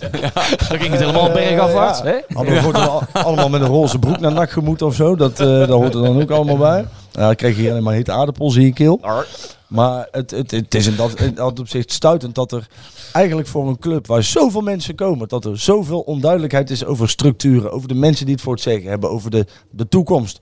En ook wat er in het verleden is gebeurd. Geef gewoon eens open kaart. Speel, ga eens open kaart spelen, want zo gaat het niet langer meer. En als het nou zaad, of hè, en is, hè, dit is zeker geen ultimatum, maar ik ben er heel erg bang voor dat als het vrijdag, als we weer zo op onze kloot te krijgen als gisteren, ja, dan kan ik me niet voorstellen dat het nachtpubliek dat zomaar laat, laat gebeuren. Dan kan ik me niet voorstellen dat dan, da- da- daar gaat onrust ontstaan, wederom. En dan Ja. komt zometeen NAC weer onterecht eh, eh, in het nieuws als, als die club met alleen maar, met, met alleen maar gaai is. Nou ja, dan worden die aandelen nog minder waard. Dus je bent je eigen club alleen maar aan het devalueren op dit Maar moment. ik zit hier wel ook best wel ongemakkelijk op mijn stoel hoor. Ik voel me niet... eh, Dat is ook terecht. Ja. Je zit ook het verste deur is op Ik slot, wou hè? zeggen, Dus, ja, dat, jij weet niet wat hier normaal gesproken gebeurt met journalisten. Maar, te lopen. Ik ben tactisch gaan zitten. Dikste bij de uitgang. we, Nee, moeten, ja. we moeten nog even terug naar Amsterdam. Om een paar redenen, Joost. Ja? Die en Malone. Ach ja. Ja, want eh, daar kunnen we natuurlijk ook niet omheen. Want op social media, zoals het dan gaat, eh, is dat een soort van viral gegaan in de NAC-community. Jullie stonden in het uitvak en eh, ja, ik, ik, ik, ik kon het niet heel goed zien op de beelden. Maar jullie waren vrij stellig in de teksten onder. er was een incidentje tussen eh Dian Malone en de eh, supporters in het uitvak. Ja, nou ja, de, het eh, laatste fluitsignaal eh, klinkt en eh, een paar seconden later hè, handen schudden. En de eerste die zich eigenlijk richting het uitvak eh wendt, hè, om daar eh, even kort naartoe te lopen. Volgens mij kwam hij niet heel veel verder dan de middencirkel. Eventjes een heel licht applausje in ieder geval naartoe lopen en een, en een wuifje. En toen eigenlijk meteen linksomkeerd richting, eh, richting de kleedkamer ging. Ehm, terwijl de andere spelers al in aantocht waren om zich echt gewoon voor de glaswand te begeven. wel wel. Om eventjes gewoon alles eventjes te ontvangen zoals volwassen grote kerels eh, doen na zo'n eh, zo- zo'n zware zepert. Om het eventjes allemaal aan te nemen. Maar op het moment dat hij zich wegkeerde van het uitvak, toen was er nog niks geroepen vanuit het uitvak. Het uitvak keek alleen maar aan van oké, wat hebben we nou allemaal aan zitten kijken. Er is nog geen boer of bar gezegd. Hij wendt zich af richting de kleedkamer. En eh één supporter die ziet dat, die valt dat op van hé, dat is Malone. En die roept, hé, hey, Malone lul. Ja, van, hè, want hij loopt weg, hè, hij keert zich af van de supporters. En daardoor, hij, hij draait om en je kon op bepaalde camerapunten, kon je het goed zien. Eh, dan staat er een supporter eh, met zijn hand omhoog weg te wuiven. Maar niet zozeer richting Malone. Maar eh, ja, gewoon hè, afkeurende gebaren te maken richting eh, de selectie. Hè, zoals iedereen doet in een boze bui. Ehm, maar niet zozeer gericht aan Malone. Malone die kijkt, die ziet dat. Die ziet een paar armen wuiven. Die denken dat dat voor hem is. En vervolgens eh, kijkt hij nog eens om. En hij wuift nog eens terug. Drie keer zijn armen wegwuiven naar het, richting het uitvak. Ja, weet je, een- ik denk dat het een een opeenstapeling is eh, van een aantal misverstanden. niet weten wie nou wat tegen wie roept. En ehm, dus ik denk dat eh, ja, het moet niet zo heet. Het wordt niet zo heet gegeten als dat die opgediend wordt, denk ik. Maar het eerste signaal is ook gewoon niet best. En meteen je afwenden van het uitvak. eh, heel eh, ja, neerbuigend toch. Komt heel neerbuigend over van joh, jullie zijn maar, jullie doen er niet toe. Eh, ik kom wel naar je toe, maar ik- jullie zijn me verder geen aandacht waard. Dus ik loop meteen weg naar de, naar de kleedkamer. Dat is het signaal die je geeft naar het uitvak. Zo komt dat aan. Het, is wel, eh, het lijkt me wel voor hem ook wel een lastige situatie. Malone is ontzettend aardige, lieve, rustige Mhm, jongen. Ook. Je kan er goede gesprekken mee voeren. Ook, je kan er zeker wel de diepte mee ingaan eh, om daarvoor te verdedigen. En hij heeft natuurlijk ook wel de hoon over zich heen gehad. eh, vooral online natuurlijk vorig jaar. Mhm. Rondom supporters. Dus ik kan, het is voor hem ook niet... niet, hij, is niet hij zit niet lekker op zijn plek, denk ik, bij NAC. Ik denk dat hij liever ook ergens anders zou Ja. zitten dan bij Hij NAC. moet gewoon stoppen met voetballen. Kijk, op het moment dat jij... Hè, dit- dit- nee, maar dat dat is, dat is niet lullig. Ik bedoel niet vanwege zijn voetbalkwaliteiten. Maar ik denk dat... Er zijn heel veel jongetjes die, die, die groeien op en die willen profvoetballer worden. En die zouden, er, die zouden er alles aan doen om profvoetballer te worden. En ik kan me echt wel voorstellen dat als jij eh, 80 wedstrijden speelt. Hè. Je speelt Champions League en jij moet in, in, eh, interland spelen. En jij moet voor je club uitkomen in de competitie en de beker en weet ik wat. Dat jij best een heftig programma hebt. Maar met alle respect, voor de rest hoef je ook niet zoveel te doen. Hè. Je moet alleen die wedstrijden voetballen en ze nu dan trainen. En dat is je werk. En dat je dan continu in de, in de media komt met dat je het zo zwaar vindt. En het is toch echt mensen, och, jongens, dat profvoetballers zijn, dat is toch wel heel erg moeilijk. Maar hij speelt op 30, hè? geen 80. Nee, precies. Dat is dus een verschil. Hè? En jij kiest er zelf voor om naar Suriname te vliegen om die interlands te doen. Hè? Dat, is, dat is niet dat het moet. Dat, dat, dat... Ah, maar dat zou ik ook wel doen. Dat zijn mooie tripjes. hè. Natuurlijk, maar dan moet je niet gaan Ja, zeggen. maar dat is ook iets eervols en dan moet je ook eh, je natuurlijk energie uithalen. Ja, en dan heb je de schijn al tegen. En dan heb je vervolgens... En ik vind persoonlijk dat als je met 6-3 tegen jonge Ajax op je kloten krijgt, dan ben je ook een lul. En dan mag je daar ook best een keer genoemd worden. En als je dan nog meteen wegloopt en gaat wegwuiven, dan snap jij niet wat er gebeurt met die 120 jongens die, en meisjes die, en mannen en vrouwen die in dat uitvak zitten. Die dan vervolgens, die daar echt een klote avond hebben beleefd. Die daar geld voor hebben betaald. Die daar geld voor hebben een reis betaald. voor hebben afgelegd op maandagavond. En als je dan, ik bedoel dan, dan, ik weet zeker, als je tegen Seuntje zegt van, joh, eh, wat een lul man. Dan zou je zeggen, ja, je hebt gelijk, want we speelden ook gewoon echt slecht. En dat je dan op die manier ermee omgaat, dan ben je ook geen prof. Dan ben je wat mij betreft ben je gewoon een, een, een, een, een, een zielig mannetje. Nou, woensdag, eh, waarvan achter, woensdag eh, hebben ze een gesprek. En eh, dan gaan er harde woorden vallen, zeiden de leiders van de kleedkamer. Maar ja, wat moet je ermee? Tegen wie moet je harde woorden of harde noten kraken natuurlijk? Want ja, weet je wel, Bilaat was niet goed. Maar ja, eh, een andere optie dan Bilaat in de spits is er niet, bijvoorbeeld. Ze moeten eerst het woordje kantelen eens in vijf talen uitleggen. ja. hè? Maar dat is toch ook treurig, dat je dus inderdaad, hè, je hebt zoveel geld verdiend. Ja. En Ja. je gaat dan uiteindelijk, hè, kom je met een halve selectie. Hè, dus je hebt gewoon nog steeds geen spits. Hoe kan het zo zijn dat, dat er, hè, dat, dat, hoe, hoe dan? De Waarom? zoektocht naar een spits, ja, wordt, Ja. Ze zijn nog steeds op zoek naar een eh Ja, buitenkantje. we hebben twee dezelfde type spelers. Ja, dat komt omdat je al twee jaar geen TD hebt. Ja, Dus kijk, dat Cindy van Hoornik was natuurlijk al lang eh, weg. Dat wist je al in Ja, de winter. Dus ja, eh, er was tijd ja. genoeg voor. Ja, dat, dat, dat hebben ze niet. Ik zou er zelf ook geen meer halen. Want ik zou lekker tot de winter wachten nu. Want ik denk niet dat... eh, Ja, nieuw geld. Toch? Nieuw geld. nou ja, en, meer, meer opties op de markt. Ja. Dat is natuurlijk ook het Ja. ding. Hey, maar jullie gaan vrijdag eh, uiteraard gewoon naar het stadion. Dan, eh, dan zit de goede moed er weer in. Dan is de, deze wedstrijd alweer vergeten en vergeven. Ja, dan kan je dan naar zo'n eh seizoenstart en naar al die onrust, dan kijk, ja, kun je zo uitleggen hoe, hoe het dan toch komt dat je daar het meest van heel de week naar uitkijkt. Ehm, nou ja, kijk, ik, heb, ik, heb, ik ben op vakantie geweest, dus ik heb die 3-0 tegen, tegen ADO gemist. Dat zul je altijd zien. Dan mis je de enige goede wedstrijd waarschijnlijk uit het seizoen. Dus ik hoop, en, en, en nogmaals, we hebben ook dat seizoen dat we promoveerden, kregen we inderdaad ook met, op onze kloten tegen, tegen Eindhoven. We verloren toen met 7-1 of, of te- te- tegen 6-2. Ajax en Ja, tegen 6-2. weet je. We hebben een aantal van die, van die enorme zeepels gehad en dan probeer je, promoveer je ook. Ja, want hoe voelt dat nou voor jullie? Hè? Want vroeger was het natuurlijk, was BN de Stem natuurlijk wel regelmatig de gebeten hond. Hè? Dat, eh, Ja, BN de hè? Ja, ja, eh, ja. Terecht. De laatste tijd eh, we krijgen jullie wat meer de wind mee. Merken jullie dat nou ook? Nou, de Dennis, Kal je- Dennis en ik hebben eh, ooit een plan gekregen bij de krant om, eh, om een beetje goodwill voor Jadran te gaan creëren. is nog steeds niet dachten wij, gelukt, dat doen. Nee, bij de club zelf niet, nee. Maar, Daar, daar, daar is een apart potje voor gemaakt bij de krant. ja, ja, dus daar worden Joost en Dennis uit gefinancierd. Toen hebben wij daar een jaar een plan over geschreven. En toen kwamen we uit bij de Gegenpressing podcast.